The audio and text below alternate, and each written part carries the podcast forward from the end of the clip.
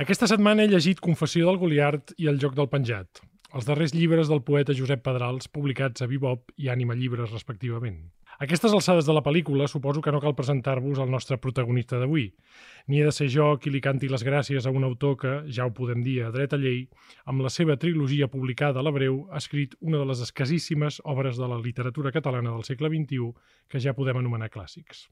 A tocar de l'ombra allargada de les seves tres grans novel·les de narrativa versada o de versos novel·lats, qui importa, aquestes obres de les que parlarem avui podrien semblar tapes menors en el camí de la literatura pedralesca. Al capdavall són dos textos que toquen aspectes de la vida poc elevats, com ara el joc d'uns adolescents a la seva història de creixement, i un cant elogiós a la divinitat vinesca. Però en la literatura d'en Pedral sempre hi ha un joc que comença justament invertint les regles del joc buscant la metafísica més alta en allò que creiem banal i fent-ne una poesia que es justifica sempre en el Gaudi. Fa molts anys, perquè ja comença a fer molts anys de tot, recordo que quan en Josep va començar a despuntar en el món de la poesia catalana, molts van començar a descriure'l com el nostre Mozart, per aquelles coses que té la tribu de folcloritzar els esperits singulars, fins i tot quan se'ls pretén elogiar. La cosa té la seva conya, perquè la gent que li deia Mozart en Josep no sospitava que la seva literatura, en efecte, és profundament mozartiana. I no per la superfície, a saber, per un coneixement de la llengua i de la poesia que també cal dir-ho, té molt poca gent al món. Contràriament, i ho demostren aquests dos llibres d'avui, la recerca d'en Pedrals és profundament mozartiana perquè es funda i busca els enigmes que sorgeixen de l'alegria. Pedrals demostra, llibre a llibre, que refugiar-se en la serietat, l'alta filosofia i el pensament abstracte no és una cosa elevada, sinó més aviat de covards i de mestratites. Els enigmes més productius es troben, contràriament, en el camí juliu, ho sabia Nietzsche, que va patir alegrement per escatir què coi volia dir la llibertat. L'obra d'en Josep és, doncs, una invitació a compartir aquesta vida feliç amb la comunitat de lectors. I ara hauríem de dir que si no hi heu entrat encara, us hi espera. Com diria un amic, he aperto a tutti quanti, viva la llibertat. Si hi poseu el nas i els ulls, us ho prometo, caureu en el dolç abisme de la felicitat. Aquesta setmana he llegit Confessió del Goliar i El joc del penjat, els darrers llibres d'en Pedrals, però no ho he fet sol. Amb mi ho han fet els poetes Esteve Plantada i Míriam Cano. Soc en Bernat de Déu i sou a l'illa de Mayans, el podcast Dona Llibres. This is my island in the sun Where my people have toiled since time begun I may sail on many a sea her shores will always be home to me. Oh, island in the sun, built to me by my father's hand. All my days I will sing in praise of your forest waters, your shining sun.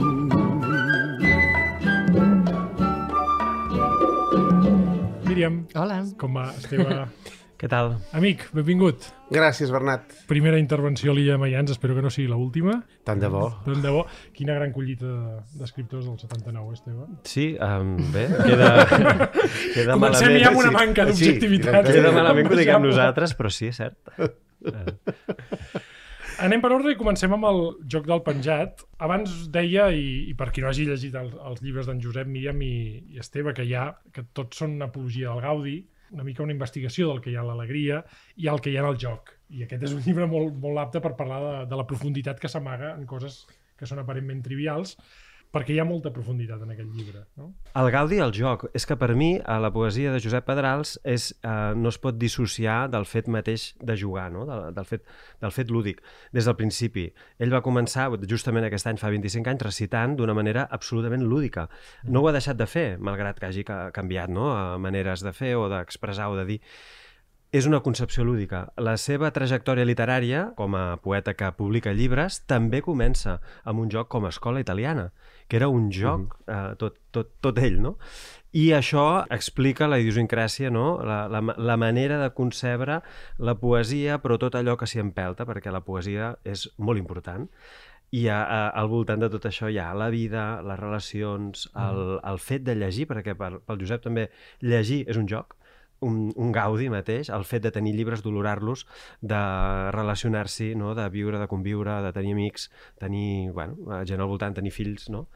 I, ostres, um, el joc és tot, no? És el centre de tot. I per, I per això celebro molt que per fi hi hagi un llibre que explícitament ja és el joc uh Mhm. -huh. del penjat.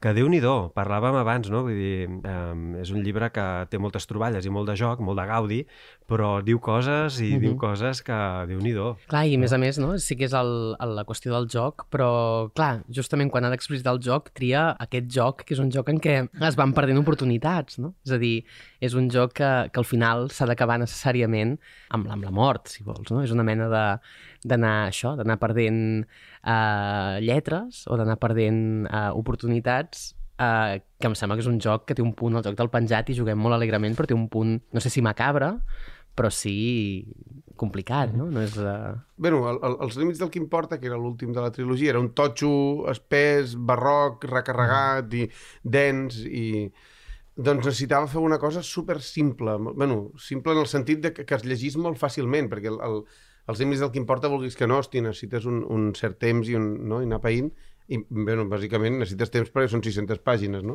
I fer una cosa, un, una obreta com de, de 120 pàgines, una cosa així suau i tal, i llavors el, el Jordi Martín em va proposar de fer un, un llibre de poesia per adolescents. I clar, jo sempre que faig un llibre m'acaba sortint una cosa rara. I llavors, doncs, el, el, li vaig dir, ah, oh, sí, sí. I, I quan la següent setmana que vam quedar, al cap d'un temps, li vaig dir, em sembla que però que faré un, una narració perquè tinc més la necessitat d'això i, i, i més que per adolescents és sobre l'adolescència, saps? Que és una cosa que no sé si és ben bé un llibre per al jovent. Que, de fet, per ara, els que conec que se l'han llegit i tenen menys de 18 anys, diguéssim, els hi està entrant bé, cosa que em, em fascina, també. Perquè... Penses, ah, doncs sí. Que és la història d'un personatge, però també és una bildung roman en comunitat, en certa manera, Sí. no? Perquè són uns nanos que creixen jugant. Sí, exactament, exactament. Mm -hmm. Però és aquesta cosa també que deia, el joc del penjat té un punt de ruleta russa, no? És a dir, vas fent i arriba un punt que, que n'hi ha una que és de veritat. I una mica m'agradava també aquesta idea de dir, ves jugant, ves jugant, que ja t'ho trobaràs una miqueta, saps? Que no deixaràs de jugar, uh -huh. Però jugaràs des d'un altre lloc. I és una mica el, el punt aquest també que, que els, els personatges els hi passa, no? De dir, a, estem jugant sempre com si el joc fos perquè nosaltres juguéssim, quan nosaltres també podem proposar el joc, no? La, vi la vida és vella quan s'hi juga. No? Exacte, sí, sí, sí. Ja per la pròpia naturalesa és un joc macabre i després aquests nanos els hi van passant coses que no són fàcils. De fet, comencen a jugar per superar un enemic, no? Sí, sí. Eh, i, i, diguéssim, juguen perquè saben que, que no poden guanyar per força, però sí per enginy, per dir-ho així, no? Sí, no, i, i també la, la, tenen la voluntat de fer la revolució, que és una cosa que és com molt natural també, no? de, de, de l'adolescència i, de, i de bastant més enllà, no? Però pretenen sempre anar a, com a, a un trencament que, bueno, després és, surt com surt, no? Però... Vull dir que, que la pretensió de jugar no és un joc de, també tonto, vull dir, el No que volen fer és, és volen deixar, volen deixar petjada, no? Vull dir, volen dir, hosti, qui som nosaltres i, i, Vull dir que uh -huh. hi ha una, una idea de transcendència, potser una transcendència molt, molt de, no? de, de pet i porró, no? però, però que hi és. No? Portes ja molts llibres fent novel·les que són poemes, poemes que són novel·les, i jo us volia preguntar, Esteve i Míriam, com a lectors de poesia que també en sou, si llegiu d'una manera diferent aquestes novel·les rimades que una novel·la normal, diríem, no? Fins a quin punt, a l'hora de llegir, eh, els límits s'imposen, no? Mira, jo crec que és simple. En, en el cas del joc del penjat, mm, ho llegeixes igual que una novel·la, o que escrita amb una concepció narrativa, perquè és que és això, és una novel·la, això. Sí. No, jo recordo dir-li al Josep, quan eh, me'l vaig acabar, acabar de llegir, va dir, què t'ha semblat? Li vaig dir, és com pitarra en un insti, no? Que, que crec que... Està molt bé. Hauríem de posar-ho en una faixa en un insti. De la segona, Aquest, sí. de la segona edició. Perquè realment tu quan agafes una obra de teatre, de... No, no, no, no, no penses que estàs llegint en vers, al, al contrari, no? Ja, sí que és veritat que hi ha la, aquesta cantarella interna que, que t'hi porta doncs, a la, la mètrica i la rima, però no, no perds el fil de la narració, no? Jo, sí que es, pot ser eh, que hi hagi novel·les en vers en què potser costa més seguir la trama perquè, no ho sé, perquè la llengua és més envitricollada o perquè no, la, la mètrica és més difícil, però en el cas de, del joc del penjat, jo el que veig és que t'hi va portant, no? És, és una... Mm. És un tipus de, de forma que et vas tirant de la mateixa manera. Jo crec que, a més a més, en, en Josep n'és molt d'autor, no?, d'aquests autors i, i, i es nota no? en aquesta novel·la. A més, amb, amb aquest desig, potser a, a, a la trilogia de, de l'Abreu hi ha una cosa doncs, més de pes no? i s'alternen aquests moments de prosa amb els poemes i, i tot plegat, però en, en aquest sentit el joc del penjat, com que és tota seguida i a més a més tot va fluint d'una manera molt, molt senzilla, no? Mira, jo crec que aquí justament la forma és invisible. Exacte, sí. Quan, quan llegeixes el llibre, bé, hi han rimes, no? Hi ha que tu veus, hi ha, hi ha una certa... És evident, no? Vull dir, una, una, un joc formal també, però és invisible. Mm. Tu estàs llegint. I... És que és versificat però no poètic.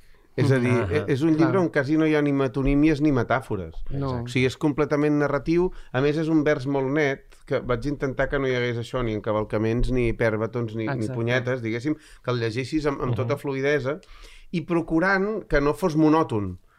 És a dir, hi ha aquest, aquesta rima que et vas trobant constantment, però els versos són de, de, bueno, de llargades completament diferents, sempre amb un ritme iàmbic de fons, i llavors no pesa. És a dir, la, la pretensió era aquesta, fer un, fer un vers que la gent no se'l trobés, és a dir, no, no s'hi entrebanqués gens. Mhm. I a més, com que agafa aquest aire costumista, és a dir, és, Exacte. és l'únic llibre meu que no hi ha coses absurdes. No, però vull dir que normalment, hòstia, o se- a la protagonista se li apareix Ramon Llull o coses, saps? Vull dir, o, hòstia, que tot és molt... eh, eh, I aquí tot és plausible fins a cert punt, no? O sigui, tot el que passa podria arribar a passar. Hi, ha- hi ha antecedents literaris a la literatura catalana d'aquest tipus de novel·la? D'aquesta novel·la rimada? O, o has Sí. pensat més en teatre? Has pensat, eh, en quins autors has pensat? Per, per, o vas pensar abans de fer la trilogia per, per fer aquesta novel·la en vers, per dir-ho així? Hòstia, Si és, si és amb la literatura catalana o... o... No, en realitat, mm, referents a literatura catalana sí que n'hi ha, n'hi ha alguns, però tampoc no eren aquests els que vaig mirar. De fet, pel vers no vaig mirar gaire cap, a, cap enlloc, perquè va ser com vull provar això. Però pel que fa a formes sí que em vaig, em, em vaig mirar molt, per exemple, el, el Gran Molnes, o aquestes coses que tenien com un punt màgic, però un, màgic, un punt màgic realista. I aquesta cosa com de, de novel·la molt d'iniciar-se en la lectura, d'aquestes que, que agafes el goig de llegir i al, i al mateix temps tenen un punt melancòlic, no? Volia posar-hi un deix melancòlic que, mm. que no sé si és del tot, però que, que la pretensió era aquesta. Home, no? i és per les coses que els hi passen a aquests nanos, no? Perquè jo quan llegia el, el sobretot l'última part del, del llibre pensava, hòstia, que trist, perquè clar, ja són nanos que comencen jugant però s'enfronten, no farem spoilers, a alguna putada, per dir-ho així, i comences, eh, com passa sempre amb, el, amb els bons llibres per adolescents, te n'adones que no són per adolescents, o no són... O, o també et preguntes, potser pensem que per ser per adolescents eh, ens hem de dirigir amb ells com si fossin Sí, sí, sí. imbècils, no? I justament no, ens hem de dirigir d'una forma molt sàvia perquè estan creixent, estan, uh -huh. estan experimentant les És que la, la meva aquí. pregunta una mica anava, anava en aquesta direcció, no? Quan tu de cop i volta et planteges que has de fer una novel·la en vers per adolescents, en quin tipus d'adolescents penses, no? En l'adolescent que tu vas ser, en els adolescents que veus pel, ara com ara, pel carrer, en, en, en, en què, no? Què vas anar a buscar? Bé, jo vaig molts, molt a instituts, faig moltes sessions de poesia a instituts, i llavors, quan fas sessions aquestes especials, a més, els, el, els nanos estan més, més contents de l'habitual, perquè no... Bueno. I vas veient reaccions i, i més... Els que No és, venen no, a no és comentar una classe curricular. Que Clar, exacte, exacte. I, I llavors els que et venen a saludar al final normalment o, o et fan algun comentari són la gent que a més a més ja té una tirada per, per, per la lectura o per l'escriptura perquè, o per totes dues Clar. coses que van juntes una mica, no?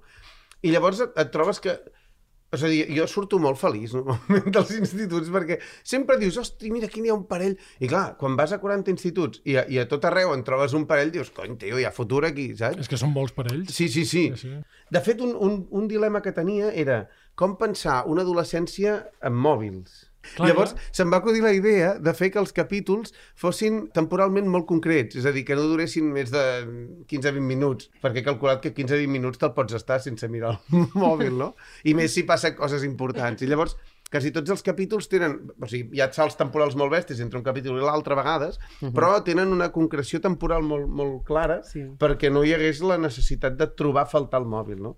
Després hi ha gent que m'ha dit, això passa als anys 90. I he pensat, dic, bueno, en lloc no ho diu, clar, no hi ha cap referència Clar. en realitat. És, és, és com... està tot obviat, no? Bueno, és que precisament aquell moment just abans de sortir de la feina, d'ajudar a casa a un restaurant, no? és una cosa que a mi em fa l'efecte que ara passa poc, no? però que Ja. en canvi als 90 Sí, sí. era molt habitual. No? I llavors, Sí, sí, és, aquest és un dels grans canvis. Sí. Els adolescents no tenen feina. no. Mhm. No tenen feina ni, ni, ni se'ls hi... Ni en volen. Sí, no, no, no sé si no, no volen o és que ja ha fugit com la idea de que a partir Del del, futur. 16 ja et pots posar a fer feina, diguéssim. Que a la nostra quinta, en certa manera, ho fèiem, d'aquella manera cadascú la seva, no? Però, però ja miraves de, de tenir la teva pasta, també, no? Perquè era una cosa que feia Clar, clar. il·lusió. No? Vull dir, tenir els teus propis calés per gastar-te'ls amb el que a tu t'interessés, saps? Hòstia, era, era... Com estructures això, no? Com vas um, articulant el discurs, totes les accions, com se't va acudint tota aquesta història? El que m'havia demanat el Jordi Martín, l'editor, era una... poemes d'amor per adolescents. Jo recordo quan vas dir que estaves fent una novel·la rosa. Clar, eh, la, la primera pretensió era una novel·la rosa i hi havia d'haver les històries d'amor i el primer que vaig vestir va ser, dic, que, bueno, què li pot passar? I vaig pensar, home, tampoc no et passis que, que sí, que tingui una mica... No, perquè necessitava que hi hagués una relació una mica llarga, però que després no, no, no anés més enllà, no? Mm. que després hi hagués un lío amb no sé qui, després un tal, i al final un amor que, que, que fos com més adult, no? Bueno, o, o més madur, per dir-ho d'alguna manera, no? I llavors això era com la primera, la primera base, no? Llavors vaig dir, no, però home, molaria que tingués uns col·legues i que els col·legues fotessin alguna cosa molt grossa, saps? I llavors vaig, va- vaig començar a anar traient les històries que m'interessaven i anar-les posant, no? Allò... I llavors vaig agafar una estructura, que és el, el, l'estructura de la piràmide de... no me'n recordo ara com es diu. La piràmide de Freytag. La Freytag, això, la piràmide de Freytag. Però que llavors el, el capítol 5 hi ha d'haver el, el, el moment clau, no el clímax, i després hi ha d'haver el, el moment 6 hi ha un anticlímax, descarat, a més a més, en aquí. I llavors vaig anar posant a dintre la piràmide tot un joc eh, que era anar-la omplint segons a mi em semblava, no? I llavors, a més, em va semblar una cosa molt divertida, com que el protagonista és un adolescent que encara no sap qui és ni què vol ser, vaig buscar allò dels eneagrames de la personalitat, que són nou, i vaig dir, cony, si n'hi ha nou, dic, faré que a cada capítol el tio tingui una personalitat completament diferent i que, per tant, es vagi buscant, però que alhora pugui conservar un, una cosa que el vegis amb ell, també. Vull dir, que no sigui tan bèstia el canvi que diguis, hòstia, que no s'aguanta per enlloc, no? A l'inici del, de, la, de la meva intervenció parlava de, de l'alegria segons el Pedrals, no? Clar, en, en aquest llibre jo penso que això està molt ben condensat, sobretot a l'última part, quan hi ha aquest anticlímax que diem, i quan els nanos segueixen jugant malgrat el que ha passat, que és una cosa també molt mozartiana. És a dir, l'alegria serveix, sempre hi ha un però, però, però no obstant això hem de tirar endavant.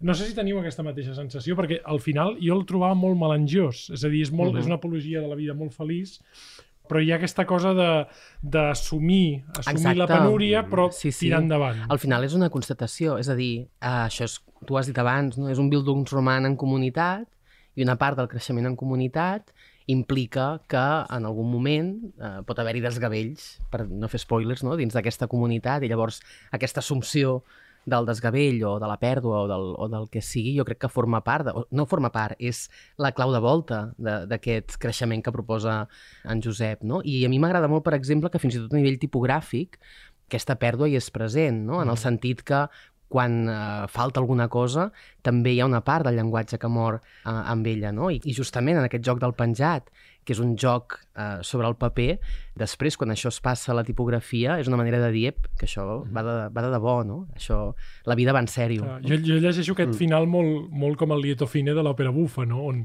realment tots els personatges arriben a una Sí, sí, sí. concomitància brutal, però sempre hi ha aquella cosa, novament mozartiana, de dir, bueno, tot això és un happy ending, però Sí, sí, sí. per arribar aquí hem patit, i això no ens ho oblidem, per De així. fet, el darrer vers és això, no? Ara que ho estàveu dient, el dolç caure en l'abisme de la felicitat. Sí, clar. sí. És, La és- felicitat com un abisme m'agradava molt. La- Saps allò de dir, uah... Saps que és com... No? Per- què ha de ser un pedestal, alguna merda d'allò? Cony, la felicitat pot ser un abisme brutal. Bueno, no és, un, no és una cosa tant que hi arriba, sinó és una cosa que, amb la, que pràcticament la que caus per resistència. Sí, sí, sí, sí. perquè, perquè ja no et queda més remei. T'has esgotat tant que és això, sigui, un, Sí, ah, un dir, sí. bueno, ara... Sí, sí. A més, eh, eh, després de passar per, per coses tan tontes com la, la idea de traïció, per exemple, amb, amb el personatge que se'n va, no?, i que, hòstia, ens deixa aquí, no?, i, i és com un menyspreu que se'n vagi. Quan, hòstia, després diu, no, bueno, és perquè ell es faci un, un bon futur, no?, però no? Aquest, aquest també és aquest joc de constantment veure com tu veus les coses i la- l'altre les veu, no?, com quan hi ha personatges que en un moment els veu d'una manera i al cap d'una estona els veu d'una altra i diu, hosti, però com és que no me n'havia donat d'això, no? Que és una cosa que et passa a la vida, dius, coi, no? soc, soc tan prejudiciós, no?, que, que poso la gent en un sac i després la gent surt del sac amb una alegria que t'hi cagues, no? I, i m'agradava una mica també això, no?, de que, que ell mateix es va donant que potser no cal ser tan tan estret o tan rígid, no? Uh -huh. Ara que, que parlem de no ser rígid, parlem del vi, si voleu. Eh, clar, a, a la confessió del Goliart eh, hi ha un epíleg de... molt ben escrit, per cert, d'Esteve Plantada. Sí. Tota aquesta, aquesta illa de buits ens està quedant molt d'intrauterina, sí, però bé, ja sí. de tant en tant va bé regalar-se una mica de complaença. Teva, explica'ns una mica d'on sorgeix aquest llibre, perquè té un origen ben concret i... Bueno, i pot explicar més, millor Josep, però vaja, sí. I eres, a més a més. Jo hi era, sí, sí, No hi era i... allò. De fet, era... això és uh, en el marc, en el context d'un festival que es fa a Granollers, que es diu Mm-hmm. Òpera Aperta, i clar, que, que el festival consisteix a, vinculat al Museu de Granollers, no agafen una obra del museu i a partir d'aquí és com el leitmotiv, a partir d'aquí doncs, eh, es fan unes reflexions, conferències, creacions, etc. no? S'estableix un diàleg. En el cas de, de l'any en què et van convidar, que crec que era el primer any, eh, era el Cap de Bacus, un Cap de Bacus que hi ha al Museu de Granollers, i a partir d'aquí tothom jugava, creava. Tu vas fer la conferència, crec que era una conferència, no? En format Sí, el que passa que inaugural, jo els hi vaig dir que jo faria Clar. un, un, teu. recital. Però crec que té una essència conferenciant Sí, sí, totalment, sí. no? La, la concepció mateixa del text, no? de com dir-lo, de també aquesta barreja, no? de, clar, tota conferència necessita unes proves, no? uns fets, un, una, com això, no? haver d'explicar no? tota una, una part historiogràfica. Um, bé, i tot això hi és en el llibre, no? I és un, és, realment és, és molt fascinant i veure'l en directe, que jo el vaig veure, clar, veies el, el, el conferenciant eh, vestit de Goliart o de poeta i fent, eh, fent aquesta conferència, no? En- Aclarim què és un Goliart, perquè pot, molta gent pot, potser Sí, no els sap. Goliards eren, eren uns poetes eh, que, que anaven amunt i avall del món eh, fent versos durant l'edat mitjana, cap als 12, 13, 14 segles, i que eren bàsicament gent que havien rebut cultura als monestirs o a les esglésies i llavors sortien i, i, i es feien doncs, uns, uns epicuris de, de bé, diguéssim, i anaven pel món jugant, bevent i fent el cràpula i fent versos eh, d'estil, amb el format, diguéssim, que havien après, però amb tons molt més molt disparatats, no? I, i... Aquí la versificació quina és? Segueixes un patró fixe? Perquè ara no, deia- no. Tot i que ser un estil més conferenciant, també has, eh, has optat per la llibertat formal, per dir-ho així. Sí, en aquí, de fet, ara mateix no t'ho sabria dir. Diria que... Clar, que fas tantes coses. Va, no, va canviant, va canviant.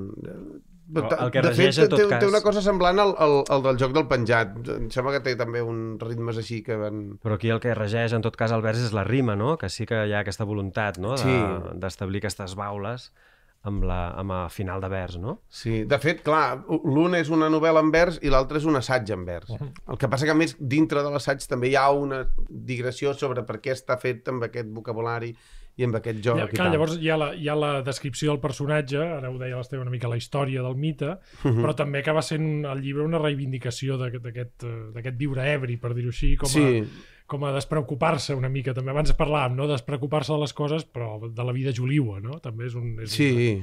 Sí, de fet, això, la confessió del Goliart és una mica d'autora de tota una part del, dels límits del que importa, que era sobre una celebració del, de l'alcohol, també. O sigui, es passaven sí. el llibre mamant com uns, des, com uns bojos.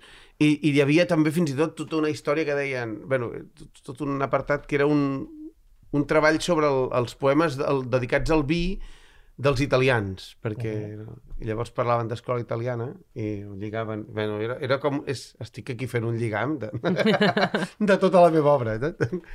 Eh? Vull dir que en, en realitat no, no m'han anat lluny del que ja feia, en certa manera. A- Acabes dient cap a què ens mou l'estat dionisia que defugir l'obligatorietat, eludir inquisicions i tiranies, regenerant-nos la socialitat. Sí, perquè eh, el guapo és que som persones. I llavors, com més persones som, més fàcil és tot, normalment, no? Bueno, si et tractes com a persona i, i no com a animal o com a... Com objecte, saps? Si no, sí. si no menysprees l'altre i, i... És a dir, hi ha, hi ha coses que són com obligatòries que són una merda, perquè sentir-te obligat és sempre incòmode. En canvi, si, si et sents més lliure d'actuar com et plagui una miqueta, no? L'has l'has tornat a recitar? O, per exemple, quan fas recitals, eh, recites fragments del Goliar o del Joc del Penjat? O són, són obres que deixes una mica més pel lector, que no pas altres poemes sols o els, els poemes de la trilogia? El joc del penjat costa llegir-ne trossos a vegades sense posar-ho en, en, En situació context, clar. i en canvi la confessió del Goliart sí que l'he fet més d'un cop. Després la, la vaig fer en un festival també en uns terrats que fèiem i, i una vegada en un tas de vins que vaig... Que, bueno, però clar, com que és, és llarg, s'ha- l'has de fer amb, amb una mica de temps. Vull, vull que ens parlis també una mica, de, en ambdós casos, de la il·lustració, perquè són llibres visualment, Mm, abans ens hem centrat en els versos, però eh, les il·lustracions són molt interessants en els, en els dos casos, no? Sí, sí. En el, en el joc del penjat, per exemple, li vam demanar al David de les Heres, perquè el, el, el Jordi Martín em va deixar llibertat per triar amb qui volia fer-ho, i li vaig dir que em faria molta gràcia treballar amb el David de les Heres, i el David va estar encantat de la vida, i a més ho va fer molt de gust, que, i es nota, diguéssim, perquè va començar a jugar des del bon principi, no? En el, en el joc del penjat el protagonista no té nom, és ell, i llavors eh, el, el David de les Heres em va dir doncs jo faré a la coberta la jeta del tio, no? És a dir, al, al llibre no hi haurà il·lustracions realistes, perquè em va dir, no vull fer això, no vull que la gent digui, van anar al parc i surt un, un dibuix del És, parc, és no? el més típic, no? Ja està Sí. fet, a més a més. I em va dir, en canvi, a la, a la coberta, i a més és una, és una il·lustració molt impactant aquesta de la coberta, vulguis que no, eh, fins i tot incomoda a vegades, si la Sí, tens cert. posada allò, l'has de girar perquè no et miri, no? Sí, a més és inquietant, és una mirada Sí, sí. molt poderosa. I en canvi les il·lustracions de dins són uns paisatges alegòrics que et permeten una nova lectura del llibre, perquè si ca- cada un, és a dir, és un paisatge que es repeteix constantment, però en el qual eh, van passant fenòmens atmosfèrics i de vida i tal, bueno, que, que van canviant aquest paisatge. I a cada capítol pots anar seguint, eh, el, cada un dels personatges és un arbre i pots anar intentant discernir qui és qui, per situació, per espai, per... per... Sí, I és molt, és molt I un estil molt diferent són les d'en Pau Badia, que, que realment és, és, és, és absolutament Exacte. oposat, no? I a la confessió del Goliart, la, la, la Montse Serra em va demanar també allò, qui, qui creus que ho podria il·lustrar? I vam tenir molt clar, ella i jo, que havia de ser en Pau Badia, que és un amic meu de fa mil anys, i que sempre havia volgut fer alguna cosa plegats i, i no havíem trobat la- l'excusa i em va semblar l'excusa idònia. Una I de les persones més bondadoses eh, del món i amb qui, i amb qui fer-hi una cervesa és reconciliar-se amb la vida. Oi? Exacte, exacte. I que dibuixa, a I més que a més, té un estil bé. dibuixant molt peculiar, que, que, és, que saps que és un dibuix que és, és seu per, només de veure'l a, la- a primer cop d'ull, no? I, i que em, em semblava molt pertinent, a més a més, perquè és molt, és molt de viure alegre, també, no? El, el, en el sí. bon sentit, no, no, no, és un, no és un cara dura, diguéssim, no? Però, Doncs són dos llibres fantàstics que us recomanem i que si podeu passar per on a comprar-los doncs ens fareu extra feliços. La confessió del Goliard i el joc del penjat. Volies dir alguna cosa? Esteve, Només una acabar? cosa, no res, però l'obra dels Goliard justament es, es caracteritza per tenir el regust alhora erudit i eh, popularista, no? I, I penso també que el, el Josep doncs, sap combinar, no? perquè és innegable que hi ha un pòsit, un diàleg amb la tradició, un coneixement de les eines, de la llengua, de la imatgeria, no? de, de tota la prosòdia, i també hi ha aquesta voluntat mm, lúdica que dèiem al principi, no? de popular, de- d'arribar. sí, això ho diu el, el fragment 6, que Exacte. diu la llengua és, doncs, una eina que es revifa entre la biblioteca sapiencial i el traginer que brama a la cantina. És, és exactament així. Ho deixarem aquí. Fantàstic. Josep, moltes gràcies per venir. A vosaltres. Míriam, Esteve, moltes Fins gràcies aviat.